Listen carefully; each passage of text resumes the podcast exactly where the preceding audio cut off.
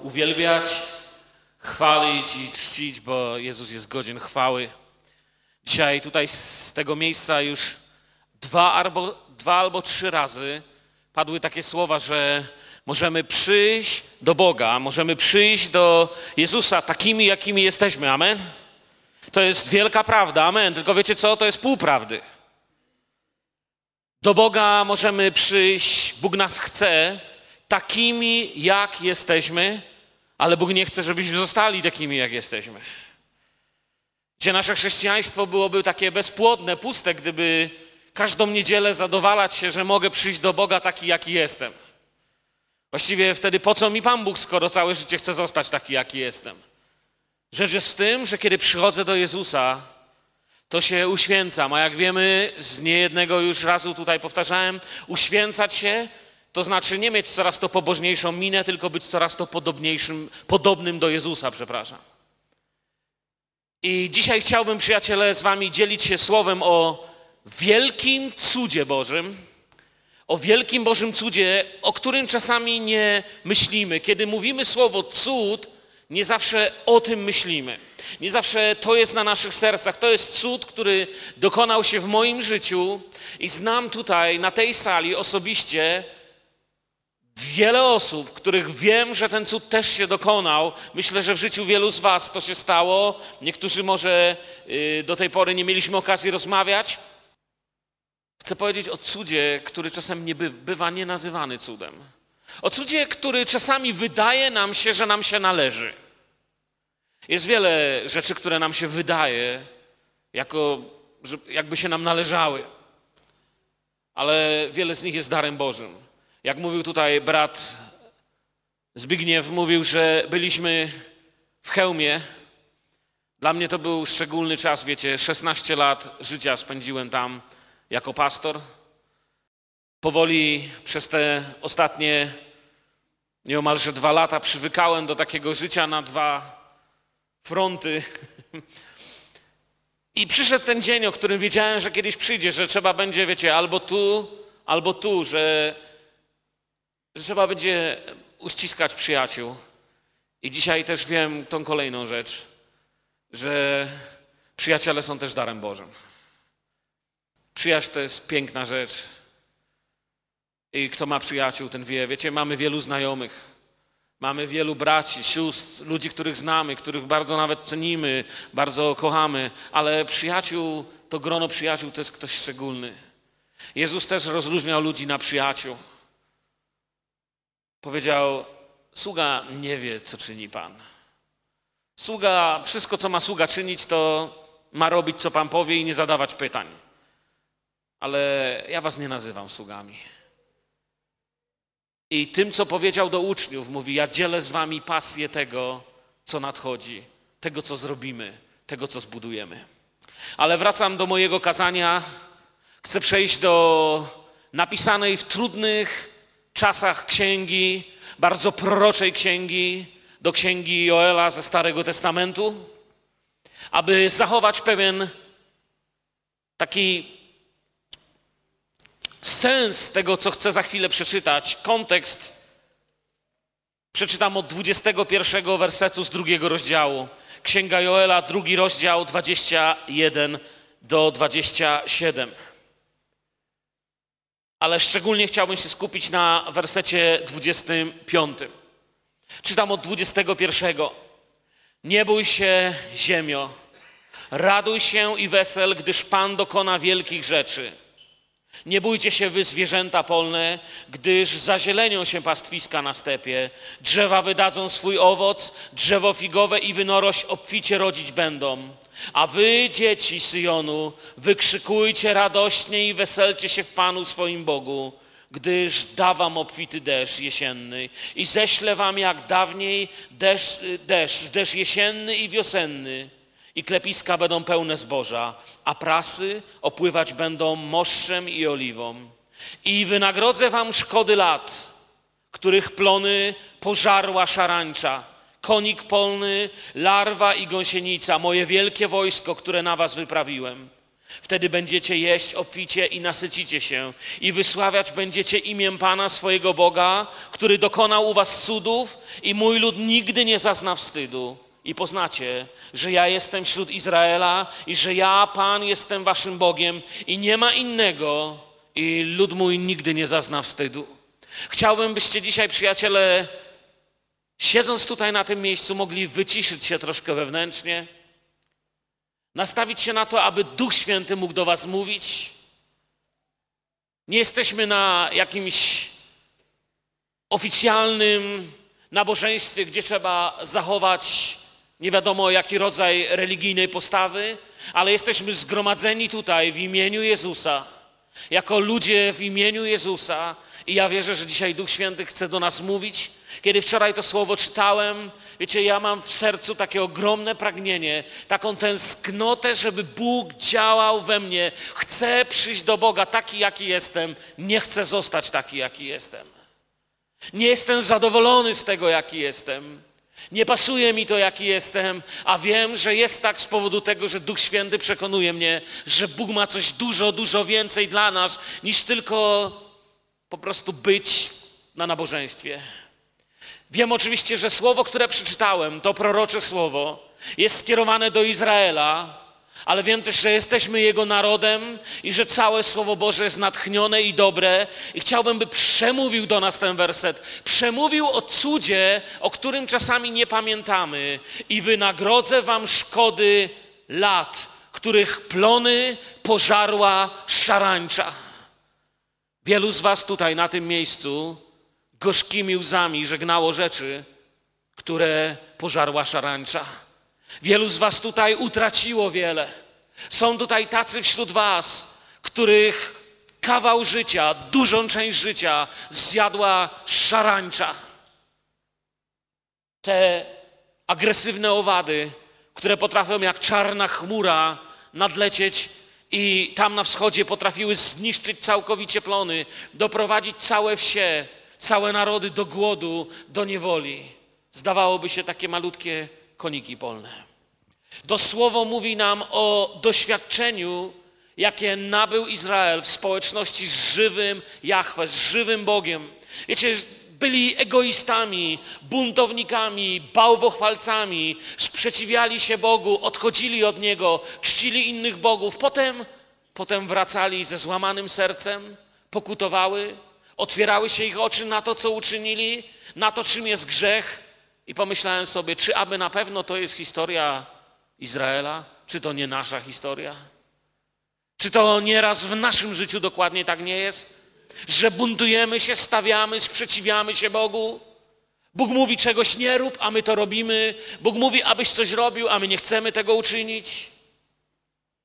Popatrzmy na siebie w świetle tego wersetu, na nasze straty, na to, kim byśmy dziś byli, Gdybyśmy 20 lat temu posłuchali cichego głosu Ducha Świętego, gdybyśmy 10 lat temu to zrobili, co byśmy czuli, gdybyś wczoraj posłuchał tego, co Pan mówi do ciebie, a nie zrobił tego, co zrobiłeś? Co by było, gdybyśmy więcej go słuchali? Izrael miał przedstawiać narodom Boga. Był powołany do tego, aby ludzie zobaczyli przez ich życie, że jest Bóg wszechmogący, wielki Bóg. My jesteśmy dokładnie do tego samego powołani i dokładnie tak samo jak oni, często w tej dziedzinie zawodzimy. Przez moje życie nie zawsze ludzie widzieli Boga, przez nasze życie nie zawsze ludzie widzą Jezusa takim, jakim Jezus jest. Bardzo często Jezusa zasłania w naszym życiu nasza pycha, nasze wielkie ja, nieposłuszeństwo, gniew, kiedy gniewamy się. Bóg nabył wszelkie prawa, aby moje życie do Niego należało. Amen. Jesteśmy Jego własnością. Wiecie, kiedy ktoś kupi sobie konia, to chce, żeby ten koń robił to, do czego jest. No. Nikt nie chce konia, który mu ucieknie i będzie biegał po lesie. Nikt go po to nie kupuje. Kiedy Jezus nas odkupił, to nie po to, by znaczy mieć konia, który będzie tylko pracował, jadł i spał, ale po to, by mieć z nami społeczność, lecz nie po to, byśmy od Niego uciekali. Jego naród zawiódł go i uciekł. Ich uczynki spowodowały, że lata życia, pokolenia Ich dzieci doświadczały klęski, że szarańcza pożarła w życiu tak wiele. I kara za nieposłuszeństwo nie zawsze spadała natychmiast. Jesteśmy wolni, ale jakże często i oni, i my zapominamy, że wychodząc poza wolę Bożą, narażamy się na niewolę. Narażamy się na to, że możemy zostać uprowadzeni przez zło. Przypomina mi się pewna historia dziewczyny, którą oglądałem w telewizji, która sprytnie, nie mówiąc do końca rodzicom prawdy, wyjechała z koleżanką na wakacje do innego kraju. Rodzice nie mieli pojęcia, gdzie ona jest. Została uprowadzona przez handlarzy ludźmi. Przeszła prawdziwe piekło na ziemi, zanim udało się ją odbić, zanim policji udało się namierzyć, co się z nią stało. Zapomniała, że kiedy wychodzi spod ochrony rodziców, jej się wydawało, że rodzice to są tacy starzy, nienowocześni ludzie, którzy nie rozumią, że ona potrzebuje po prostu troszeczkę w życiu pohulać, pobujać. Skończyło się tym, że skończyła w domu publicznym, złapana przez handlarzy, którzy nie mieli nad nią litości. Podobny jest los człowieka, który mówi: Bóg ma tylko same zakazy. Chciałbym dzisiaj powiedzieć coś dużo więcej, że kiedy buntujemy się przeciw woli Bożej, by czynić to, co nam się podoba, z Bożego punktu widzenia, posłuchajcie mnie, z Bożego punktu widzenia marnujemy nasz czas. Jeżeli moje życie nie spełnia woli Bożej, to nie wiem, jak bardzo byś był podniecony i podekscytowany tym, tym, co robisz. Możesz grać w narodowej kadrze, możesz reprezentować Czechy, czy Polskę, czy Niemcy, kogo ci się podoba, w światowym sporcie, sztuce, muzyce. Możesz być, nie wiem, dobrym mówcą, możesz być dobrym profesorem, biznesmenem, możesz robić nie wiadomo co zaczynam widzieć coraz bardziej, że kiedy moje życie nie jest w woli Bożej, marnuje z punktu widzenia Bożego czas. Bóg mówi, to nie jest to, do czego mam Ciebie. I do nas dociera to znacznie później, czasami wtedy, kiedy wszystko już jest zjedzone. Czasami myślimy, że szarancza pożera życie tych, którzy, nie wiem, są alkoholikami. Też. Tych, co są w więzieniu, też.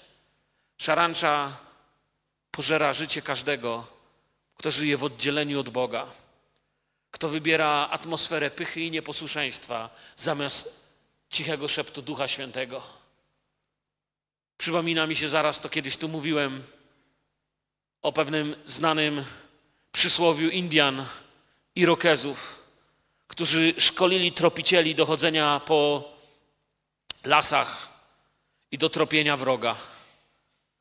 I w tamtych czasach, jeżeli złapano takiego szpiega, takiego tropiciela, to jego los był straszny. Indianie byli okrutni. I jednym z takich przysłów, czego nauczał stary Indianin młodego Indianina, brzmiało tak: Słuchaj szeptu lasu, żebyś nie musiał słyszeć własnych krzyków na torturach. Od razu mi przyszło do głowy, jakoś to przeniosłem na grunt nasz. Słuchaj szeptu Ducha Świętego byś nie musiał krzy słuchać krzyku własnej rozpaczy. I Bóg mówi: Izrael odszedł. Ale on mówi: Uczynię cud. I powiedziałem, że dziś chcę mówić o cudzie. Oddam wam, odnowię wam, jakby odbuduję to, co pożarła szarańcza. Jaki cud? Wiecie, my o tym często nie myślimy. Myślimy, że kiedy ślepy odzyska wzrok, to jest cud. Kiedy ktoś wstanie z wózka, to jest cud i to są cuda. Amen. Oby ich było jak najwięcej. Ale to jest wielki cud, kiedy człowiek zmarnuje wiele lat swojego życia, a Bóg mówi: Ja mogę to odnowić. Aż się wierzyć nie chce, że to możliwe. Mówimy, Boże, ja już jestem stary. Boże, ja już nic nie mogę, zmarnowałem. Panie, popełniłem błąd. Co to teraz da? Nie dyskutuj. Duch Święty dziś mówi, że On może odnowić. O tym chcę mówić dzisiaj. Wiecie, Jezus nas znalazł i nie możemy zapomnieć, skąd wyszliśmy, kim byliśmy. Religia spowodowała, że jest taka moda wśród wszystkich ludzi w kościele na zgrywanie sprawiedliwych i mówienie, ile lat to już tutaj chodzą i co nie zrobili. To nie jest stacja benzynowa, żeby zbierać punkty za lata. To nie jest klub działkowicza, żeby mówić, jaki się ma staż. Tam może się to przydaje. To, co potrzebujemy my, to zrozumieć, że nie byłbyś tu, ani nie byłbym ja tutaj, ani gdziekolwiek indziej. Nie wytrwałbyś w Chrystusie ani tygodnia dłużej, gdyby nie Jego ochrona i nie Jego łaska. To jest to, co naprawdę nas trzyma. Potrzebujemy, to co potrzebujemy, to miłość do tych, którzy idą przez problemy i pamięć, z czego my wyszliśmy. Aby patrzeć na ludzi, którzy mają kłopoty, tak jak widzi ich Bóg pamiętając Bożą cierpliwość dla nas samych. To, że ciągle tutaj jesteś, to, że siedzisz w tym zborze albo w swoim zborze, to jest łaska Boża. Nikt z nas nie wystał tych wszystkich lat służby, dlatego że jest taki wspaniały. Boża łaska przez Jezusa nas otacza. Podobnie i postawa tych, którym my głosimy, musi być właściwa. Jeśli nie chcą zmarnować ludzie kolejnych lat, jeśli komuś przykro wiecie, że nie może się cieszyć sprawa do swoich grzechów, tak jak dawniej, to potrzebuje pokuty. Bóg dziś nie mówi do tego typu ludzi. Bóg mówi do tych, którzy spuścili głowę, którzy mówią: Panie, wiele lat zmarnowałem w moim życiu. Chciałbym inaczej. Dzisiaj Duch Świętych wierzę, że chce usługiwać tym, którzy mają w sobie poczucie, żeby coś się zmieniło w ich życiu. Którzy chcą mówią, powiedzieć: Boże, to co robię, ludzie może o mnie myślą dobrze ale ja nie czuję, że żyję w pełni tym, co Ty masz dla mnie. Wiecie, ważnym przekonaniem w głębi naszego serca, jeśli chodzi o pokutę, my wiemy, że są fundamentalne rzeczy, których nie wolno usunąć na mani skazalnicy, ani ze zwiastowania tego kościoła. Jedno z nich jest to, że Syn Boży Jezus Chrystus przyszedł, aby zbawić wszystkich grzeszników. Drugą jest to, że ten stary krzyż ten szorski krzyż ma pozostać w centrum naszego zwiastowania. Trzecią jest to, że zmartwychwstanie, moc i siła zmartwychwstania odnawia nasze życie, że jesteśmy obmyci przez drogocenną krew Jezusa, że oczekujemy Jego przyjścia w chwale i cały Kościół na Niego czeka i cały Kościół powie Amen. Amen. Czemu tylko pół Kościoła powiedziała Amen? Czekamy na Jezusa. Czekamy na Pana. To jest to, po co tu jesteśmy. Widzicie, jest poważnym nieporozumieniem posłuchajcie mnie, jest nieporozumieniem, jeżeli wydaje nam się, że Kościół to jest grupa ludzi, którym nie wolno kraść, ćpać, palić, cudzołożyć. To jest jakieś nieporozumienie. Tyle to, to można jakiś klub założyć i też nie będzie wolno. Kościół, posłuchajcie mnie przyjaciele, Kościół to grupa narodzonych w Chrystusie na nowo ludzi, którzy nie chcą tego w swoim życiu, a nie, że im nie wolno. Wiecie, ze mną nie jest tak, że przychodzę tutaj i na przykład patrzę na wasze samochody na parkingu i myślę sobie, no chętnie bym ukradł któryś, no, no ale już mi nie wolno teraz. Chętnie komuś z was bym portfel z kieszeni gwizdnął, no, ale nie wolno. A może gdzieś poza kościołem. To nie jest myślenie, które Bóg nam daje. My jesteśmy nowe stworzenie. To nie jest tak, że nie palę, ponieważ nie palę, no bo jak nie będę palił, to pójdę do nieba. To nie jest tak, ja nie palę, ponieważ jestem w drodze do nieba, a w drodze do nieba tego się nie robi. Nieraz to z tego miejsca tu mówiłem. Kościół to grupa narodzonych na nowo ludzi, którzy chcą kochać Jezusa. Kościół ma jedną miłość, jest to Jezus Chrystus, a nie sto zakazów. Przyznacie, że jest różnica kochać kogoś z całego serca albo żyć zakazami i nakazami. To jest tak jak tak jak mąż i żona. Jakby się moja żona czuła, gdybym jej powiedział, wiesz, nie mam kochanki, no bo mi nie wolno. To ona by powiedziała, to nie jest miłość. Chłopie, idź sobie, znajdź inne miejsce w życiu. Jak się czuje Bóg, kiedy my czasem mówimy coś, Panie Boże, nie robię czegoś dlatego, no bo mi nie wolno. Nie posuwam się do jakiegoś miejsca, no bo mi nie wolno. Ja wierzę, że Jezus chce, byśmy codziennie Mu wyznawali: Kocham Cię. Pamiętacie tą starą pieśń? Niesamowita pieśń sprzed wielu, wielu dziesięcioleci, gdy wpatruje się w Twą świętą twarz. Pamiętacie tam te słowa? Wszystko wtedy znika w Jego świetle. W Jedy Majestacie po prostu wszystko przestaje być ważne. Kocham Ciebie. Widzieliście kiedyś zakochanego na przykład faceta, mężczyznę w starodawnych filmach, taki stał z gitarą pod oknem. Jemu było wszystko jedno, co inni myślą. Deszcz, jaki deszcz, a faktycznie deszcz pada. On nie zauważył, bo był zakochany. On nie kalkulował, zaraz zagram jej, ale muszę ją spytać, czy jest bogata. Nie, on ją zobaczył i to było wszystko. I podobnie dużo większej miłości to tylko przykład chce od nas Jezus, kiedy go ujrzymy, żebyśmy go pokochali. Ty jesteś moim Panem. I, I dzisiaj chcę mówić do tych z Was, którzy potrzebują w swoim życiu cudu, cudu odnowy, cudu, cudu odnowy zmarnowanych lat, które zmarnowaliśmy bez Boga. Człowiek nie może być szczęśliwy, dopóki złe sumienie jego pełne jest winy. Zawsze i wszędzie to będę powtarzał, że nie pomogą żadne święta, żadne sabaty, choćby nie wiem, jak sobie człowiek przygotował odpoczynek. Jeśli nie będzie miał czystego sumienia, nie będzie odpoczywał. Możemy sobie wyznaczyć najświętszy dzień w tygodniu, przygotować wielkie, wygodne łóżko, obstawić się jedzeniem, owocami, przyjemnościami, oglądnąć najlepszy film. Jeżeli tutaj w środku będziecie gryźć ten robal grzechu i winy, nie odpoczniesz. Nic nie zaspokoi tego i nic nie da tego odpoczynku, który jest w Jezusie. Gdziekolwiek szukasz odpoczynku, w dniach, w religiach, w jakichś tam y, rocznicach, sabatach, nie wiadomo w czym jeszcze, Jezus powiedział: On jest nasz sabat, nasz odpoczynek. Przyjdźcie do mnie wszyscy, którzy jesteście umęczeni. Ja wam dam odpocznienie. Tutaj znajdziecie odpocznienie. W nim. I gdy przychodzi Jezus, wtedy wszystko się zmienia. Nie da się równocześnie dogodzić światu i Bogu. To musimy pamiętać. My jesteśmy Kościołem. Kościół to jest oblubienica. Oblubienica właśnie tym się różni od nierządnicy, że oblubienica chce się podobać tylko jednemu. Nierządnica chce się podobać każdemu. Kościół nie może dogadzać wszystkim. Twoje życie albo będzie na chwałę Jezusa, albo na Twoją własną. Popatrzmy na księgę Joela dzisiaj, na ten werset i przywrócę to, co pożarła szarańcza, mówi Bóg. I wynagrodzę Wam szkody lat, których plony pożarła szarańcza. Wiecie, kiedy w tamtych czasach, a i dzisiaj w Afryce się to zdarza, i to nierzadko, przeszła szarańcza, ludzie wiedzieli, że w tym roku nie będzie chleba. Ludzie wiedzieli, że w tym roku będą głodować. Kiedy w czasie oblężenia Samarii brakło chleba w Biblii, czytamy, że doszło tam do kanibalizmu.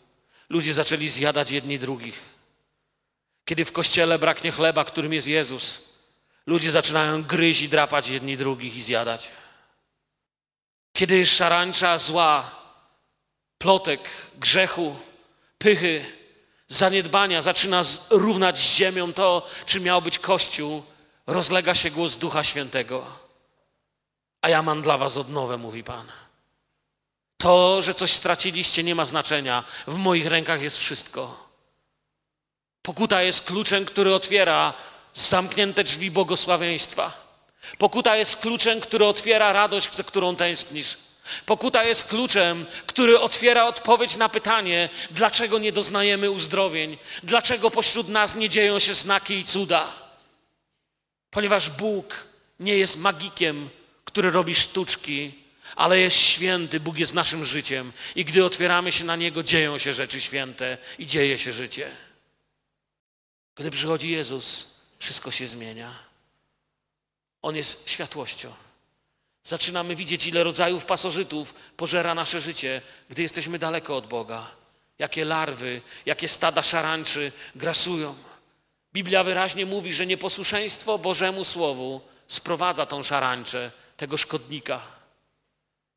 Niewierzący ludzie tego nie wiedzą, ale my wiemy, gdzie są nasze przeszłe lata. Nie ma nic piękniejszego niż posłuchać człowieka, który mówi: Oddałem moje życie Jezusowi i nie żałuję ani chwili. Uwielbiam słuchać ludzi, którzy opowiadają, co uczynił Bóg w ich życiu, czytać książki, gdzie misjonarze mówią, jak Pan ich prowadził. Jedna z najbardziej niesamowitych książek, którą przeczytałem, kilka razy, z którą przejechałem całą Rosję. Książka Bruce'a Olsona, Bruszko. Opowieść o zwykłym człowieku, który w dżinsach, w trampkach i w jednej koszuli kupił bilet i poszedł do dżungli. Mało nie umarł, mało nie stracił życia. Odnaleziony i wyleczony przez ludożerców, zaczął im głosić Słowo Boże. Przeszedł kilka takich dolin w swojej wierze, gdzie nie był pewny, czy jest na miejscu, gdzie powołał go Bóg.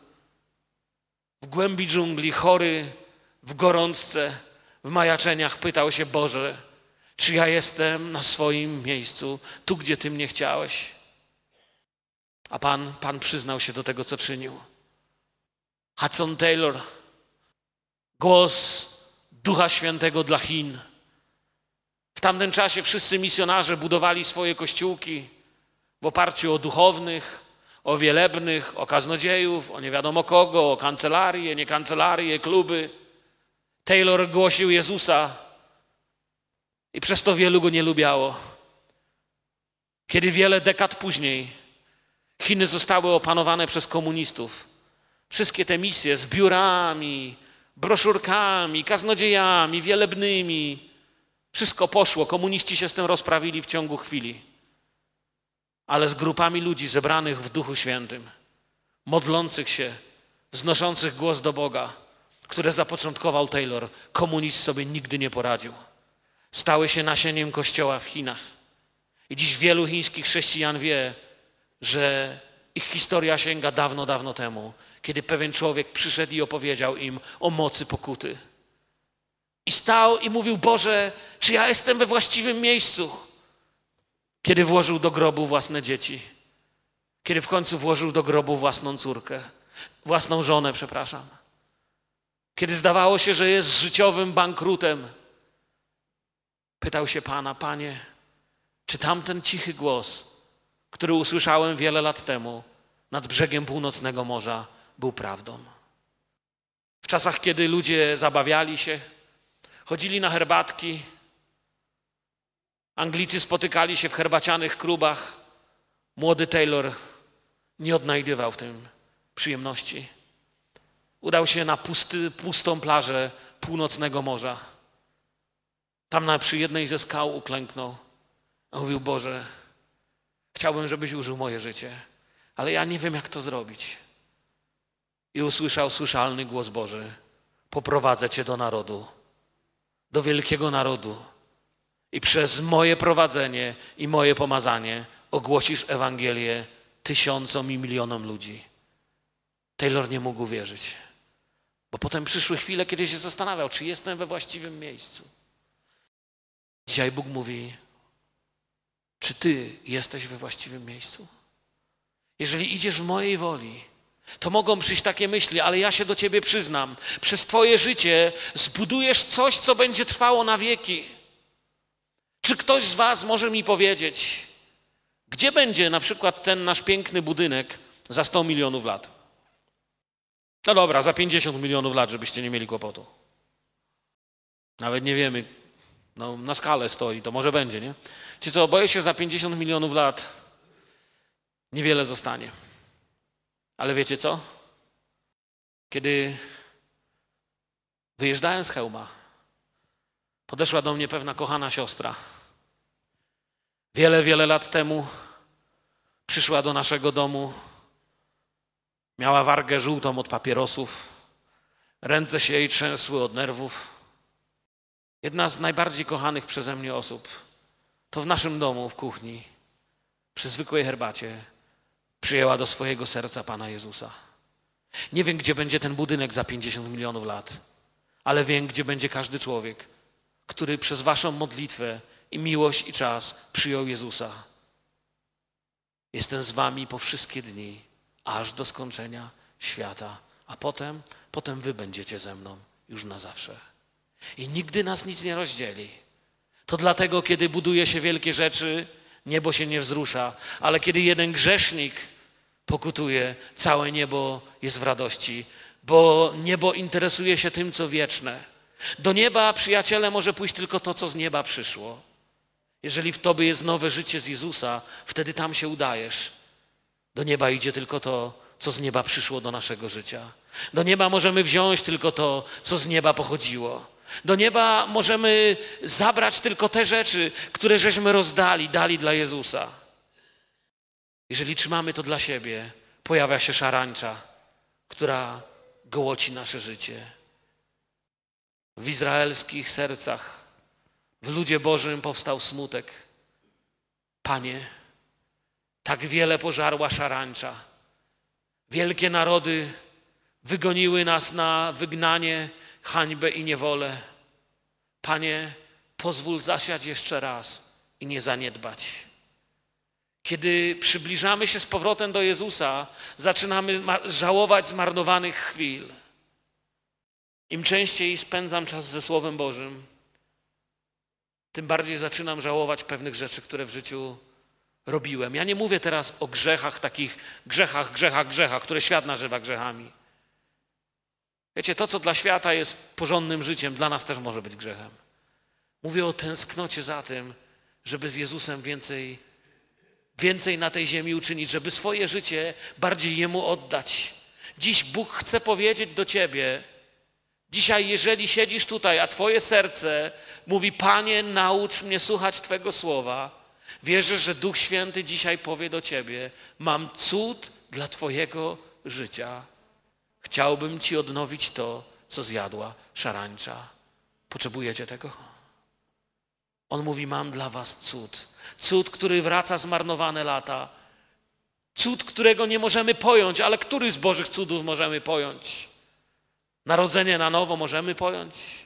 Czy Golgotę możemy pojąć? Czy miłość Bożą możemy pojąć? Tak też tego cudu nie możemy pojąć. Ale Bóg wie, co robi. Jednym z wielkich atrybutów Boga jest to, że Bóg nigdy nie zaczyna niczego, czego najpierw nie skończył. To jest Boży atrybut.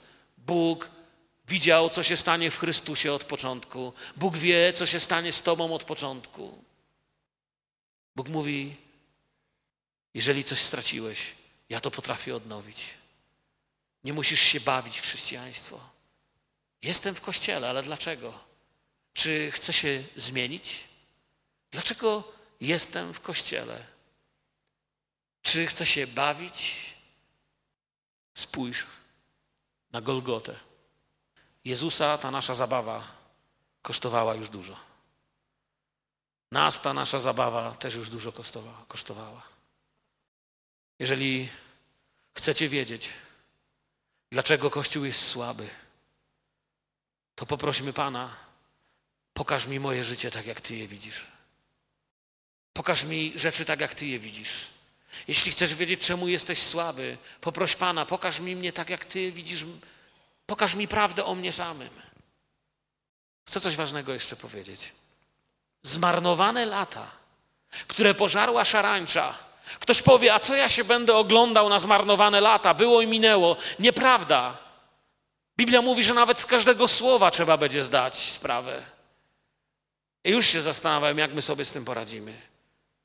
Zmarnowane lata to temat, nad którym nie zastanawiamy się, bo pozornie, nawet sami sobie nie wierząc, tłumaczymy, że no wiesz, ja się nie chcę oglądać za pługiem. To nie jest tak. Kiedy przychodzi Duch Święty i pokazuje nam, że chce nas odnowić, kiedy widzimy zmarnowane lata, to nie jest patrzenie za pługiem. Pan nam pokazuje, i zaczynamy odkrywać, że tak naprawdę nigdy żeśmy pługa do ręki nawet nie wzięli. Bóg mówi: Ja chcę używać Twoje życie. I wiecie, dzisiaj moją modlitwą jest: chcę być takim Bożym dzieckiem, jakim mój ukochany Ojciec w niebie chce mnie widzieć.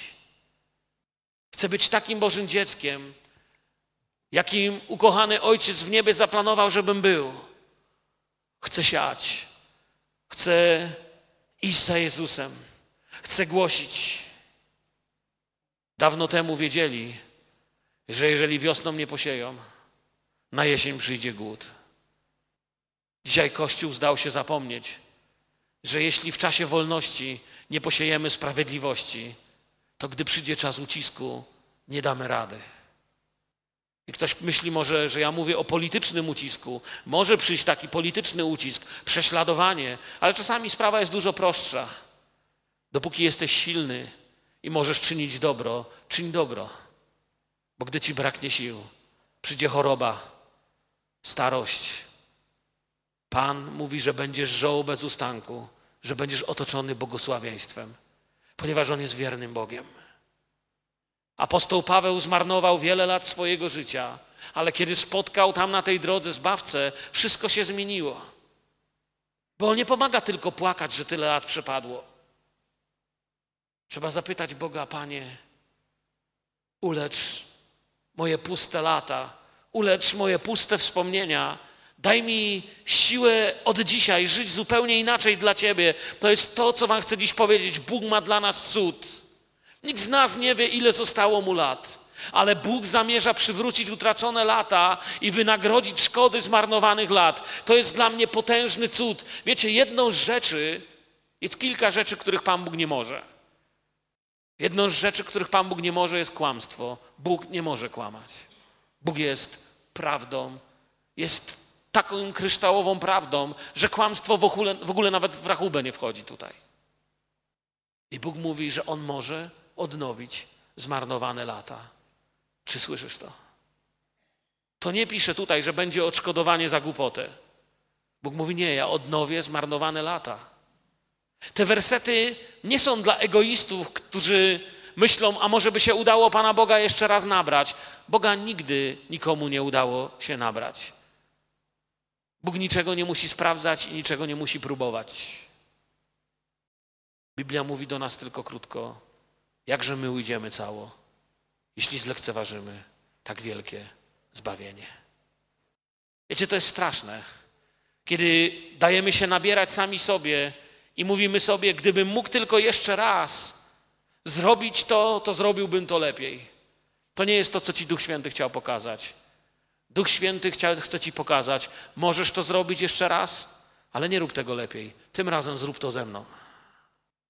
Możesz odnowić Twoje życie, ale już nie próbuj sam. Zrób to ze mną. Człowiek próbuje wiele razy. Wiecie, jest takie powiedzenie, ja nie wiem, tu są fachowcy budowlani na sali, przy których, wiecie, ja na budowie się nie znam. Ja nie odróżniam kielni od łopaty, ale jest takie przysłowie, że prawdziwy dom człowiek sobie buduje dopiero za czwartym razem. Że pierwszy dom jest niezadowolony, mówi, jak zrobię ten drugi, to to wszystko zrobię inaczej. Robi drugi, znów jest niezadowolony. Potem robi trzeci i mówi, no to, to już jest to, ale jednak jeszcze pewne rzeczy. I mówią, że w tym czwartym to mówi, no to już mniej więcej jest to, co chciałem. Życie mamy jedno. Dane jest człowiekowi umrzeć, a potem trzeba z tym wszystkim stanąć przed Bogiem. Nasz czas spędzimy inaczej, jeśli wierzymy, że zamiast tego świata nadchodzi inna rzeczywistość. Wczoraj, kiedy modliłem się w biurze i rozmyślałem nad tym słowem, pomyślałem sobie, Boże, czy ja w ogóle tak naprawdę wierzę, że nadchodzi inna rzeczywistość, że nadchodzi nowy, całkowicie nowy porządek rzeczy, że Ty wszystko odmienisz. Czy moje słowa, moje myśli, moje uczynki, czy wszystkie trzy mówią jedno? Czy moje słowa, moje uczynki, moje myśli tak naprawdę pokazują, że wierzę w to, że nadchodzi Twoje królestwo, że jest dla mnie bardziej realne niż moje królestwa? Nieważne, czy chodzisz z Bogiem 40 lat, czy 40 dni? Bóg może wynagrodzić zmarnowany czas, odnowić go w zupełnie na swój sposób. I największą prawdą, jaką chcę powiedzieć, dzisiaj jest dzień łaski. Dopóki żyjemy, Bóg może w potężny sposób zagospodarować każdą minutę naszego życia. To, co przeszło, już nie wróci i nie ma się co łudzić. Bóg nam nie obiecuje wehikułu czasu. Ale Bóg nam obiecuje cud, że kiedy On dostanie nasze życie w swoje ręce, to każdą Jego minutę wykorzysta dla Bożej chwały. Powiedzcie Amen. Amen. Tak jest. Wiecie, gdzie to widać? Pamiętacie, jak czytamy o Golgocie? Tam czytamy, że były trzy krzyże. Na, na jednym z tych krzyży wisiał Pan, ale obok niego był ten złoczyńca kiedy złoczyńca oddał mu swoje życie, to tego życia mu zostało tak mało, ale każda sekunda została tak wykorzystana na Bożą chwałę, że do dziś o nim mówimy. Częściej się o nim mówi niż o wielkich ludziach Kościoła. Częściej się o nich mówi niż o wielkich tego świata. Dziś będziesz ze mną w raju. Bóg mu dał wszystko, co ma dla nas. I to samo ma dla ciebie. Jak smutne jest zobaczyć chrześcijanina, który jest nagi po latach wiary. Wiecie, na tym świecie poza Jezusem nie ma już ucieczki. Kiedyś było tych ucieczek więcej, ale powoli wszystkie drzwi się zaczynają domykać. Jeszcze 100 czy 200 lat temu, kiedy się nie dało już uciec na wschód, nie dało się uciec na południe ani na północ, można było jeszcze uciec na zachód. Idą dni, kiedy nie będzie się dało uciec na wschód ani na zachód, ani na północ, ani na południe. Ludzie, którzy nie znają Boga, będą chcieli uciekać w dół i będą krzyczeć, żeby góry i pagórki na nich padły i ich zakryły. Ale Kościół wie, gdzie jest prawdziwa ucieczka, gdzie jest prawdziwa nadzieja. Przeto pocieszajcie się tymi słowy. Jakimi słowy? Tymi, że na głos Pański, na głos tej Bożej trąby powstaną ci, co zasnęli w Chrystusie. Potem my będziemy zabrani z Panem w górę. Jaki jest cel tego, co dzisiaj mówię? Przyszliście i pójdziecie do waszych domów. Moje marzenie i pragnienie jest, aby wielu siadło za kierownicę i do samochodu, abyśmy poszli do naszych domów i zastanawiali się, jak możemy zreformować, odmienić nasze życie. Odpowiedź Ducha Świętego brzmi: przyjdźcie do mnie. Ja się zajmę. Cokolwiek się zmarnowało, już o tym nie mówcie. Ja odnowię lata, które wam pouciekały. Ja odnowię dzieło, które w was zacząłem dawno temu.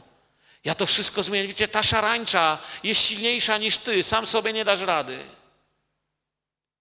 Jeden konik, jedna szarańcza. Ktoś by powiedział, co to jest? Można rozdeptać. Ale miliona nie rozdeptasz.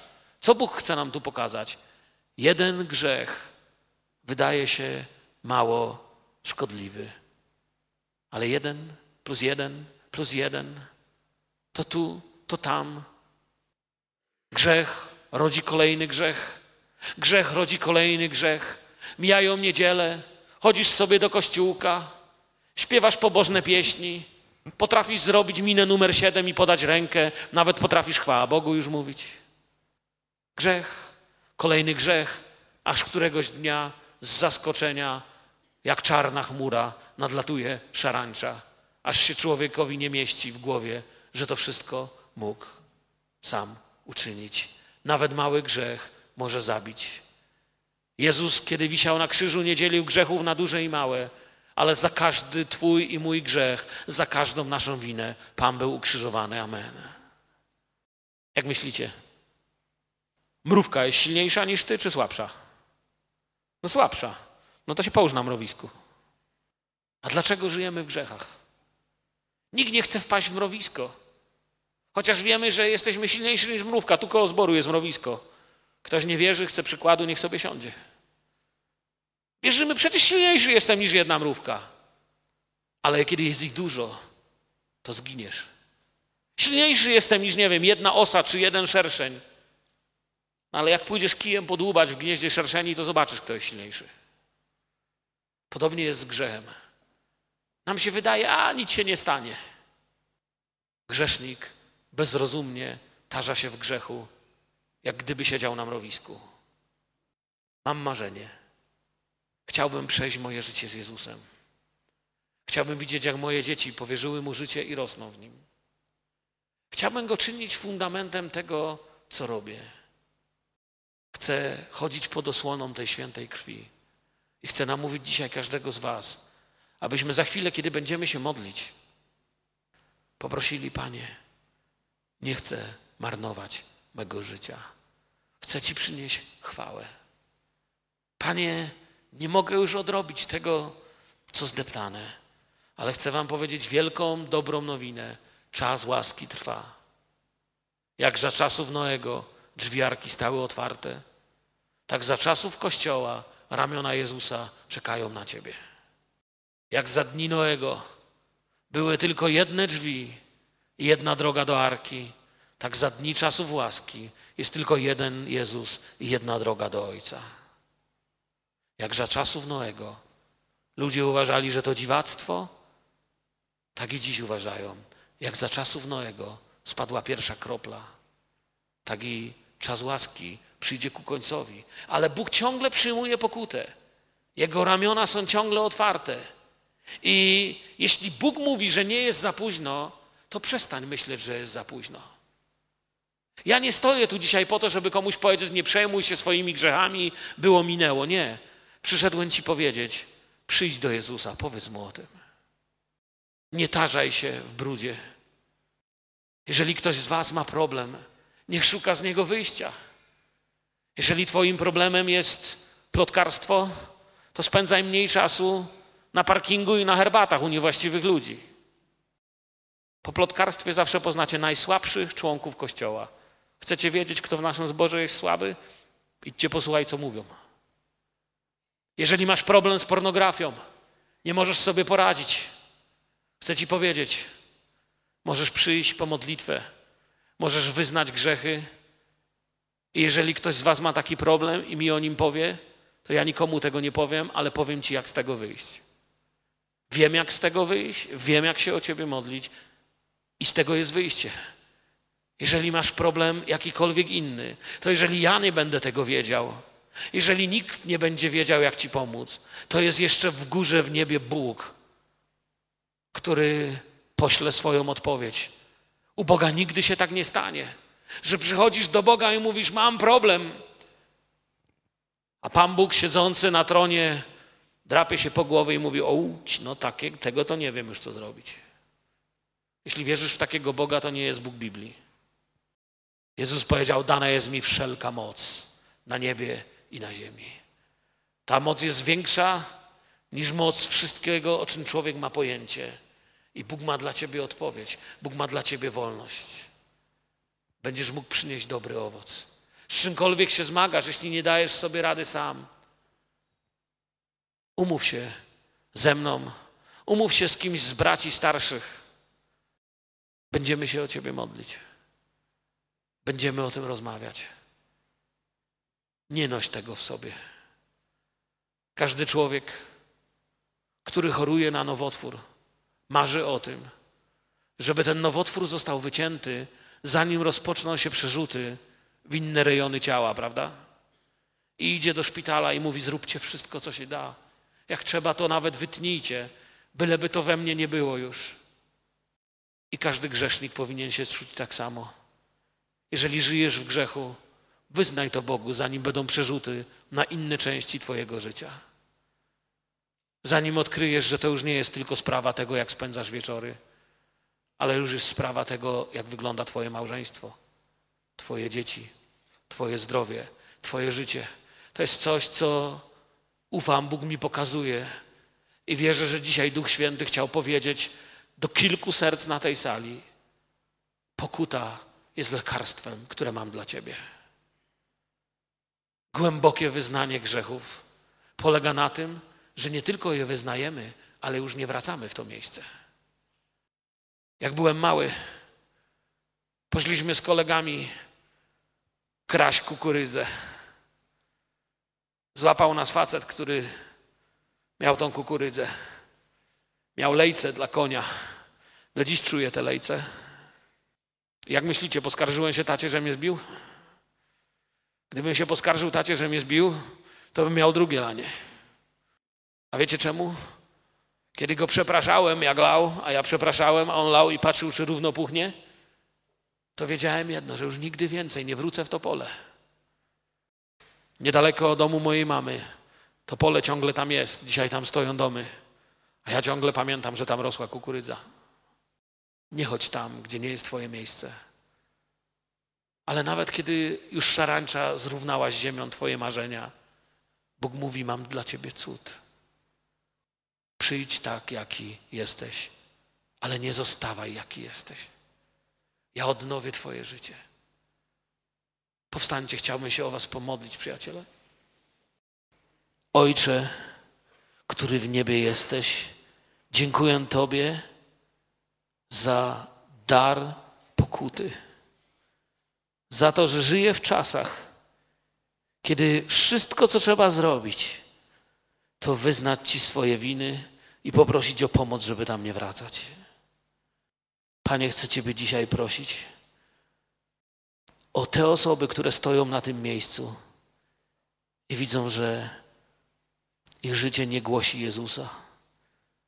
Proszę Cię, pomóż zobaczyć, że gdziekolwiek pracujemy, czy jako kierowcy, menadżerzy, dyrektorzy, czy jestem kaznodzieją, czy sprzątaczką, czy profesorem, czy nauczycielem, kimkolwiek byśmy byli, postawiłeś nas, aby świat zobaczył, że Jezus żyje. Panie, wyznaję Ci dzisiaj nasz wielki grzech, że nie w każdym miejscu nawet wiedzą, że jesteśmy wierzący. Że nie w każdym miejscu, gdzie ja chodzę, ludzie widzą we mnie Jezusa. Proszę Ciebie dzisiaj, kochany Duchu Święty, abyś dotykał się teraz na tym miejscu każdego, kto tu przyszedł. Ja wiem, Panie, że Ty nigdy nie przyprowadzisz więcej ludzi, niż możesz nakarmić. I przyprowadziłeś dzisiaj tutaj tych, którzy potrzebowali usłyszeć, że jest szansa, że jest wielki Boży cud odnowy swojego życia. Wywyższamy Twoje imię. Dziękujemy Tobie za Twoją obecność tutaj. Panie, co za przywilej mieć Ciebie wśród nas. Oddaję Tobie hołd. Chcę teraz, Panie, prosić Ciebie. Lecz rany, lecz choroby, lecz złamane serca. Uczyń z nas zdrowy lud, który będzie mógł Tobie przynieść chwałę i świadectwo. Wywyższam imię Jezusa.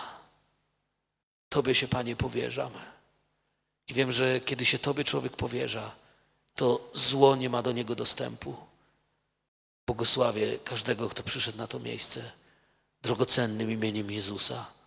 Prowadź ich do domu, Panie, w Twoim pokoju, w Twojej mocy i sile. Dzięki Ci, że jesteś naszym lekarzem, lekarzem naszej duszy i ciała. Chwała i cześć Tobie. Jeśli ktoś z Was czuje, że chce się też modlić, zawołajcie teraz do Boga, dziękując Mu albo prosząc Go.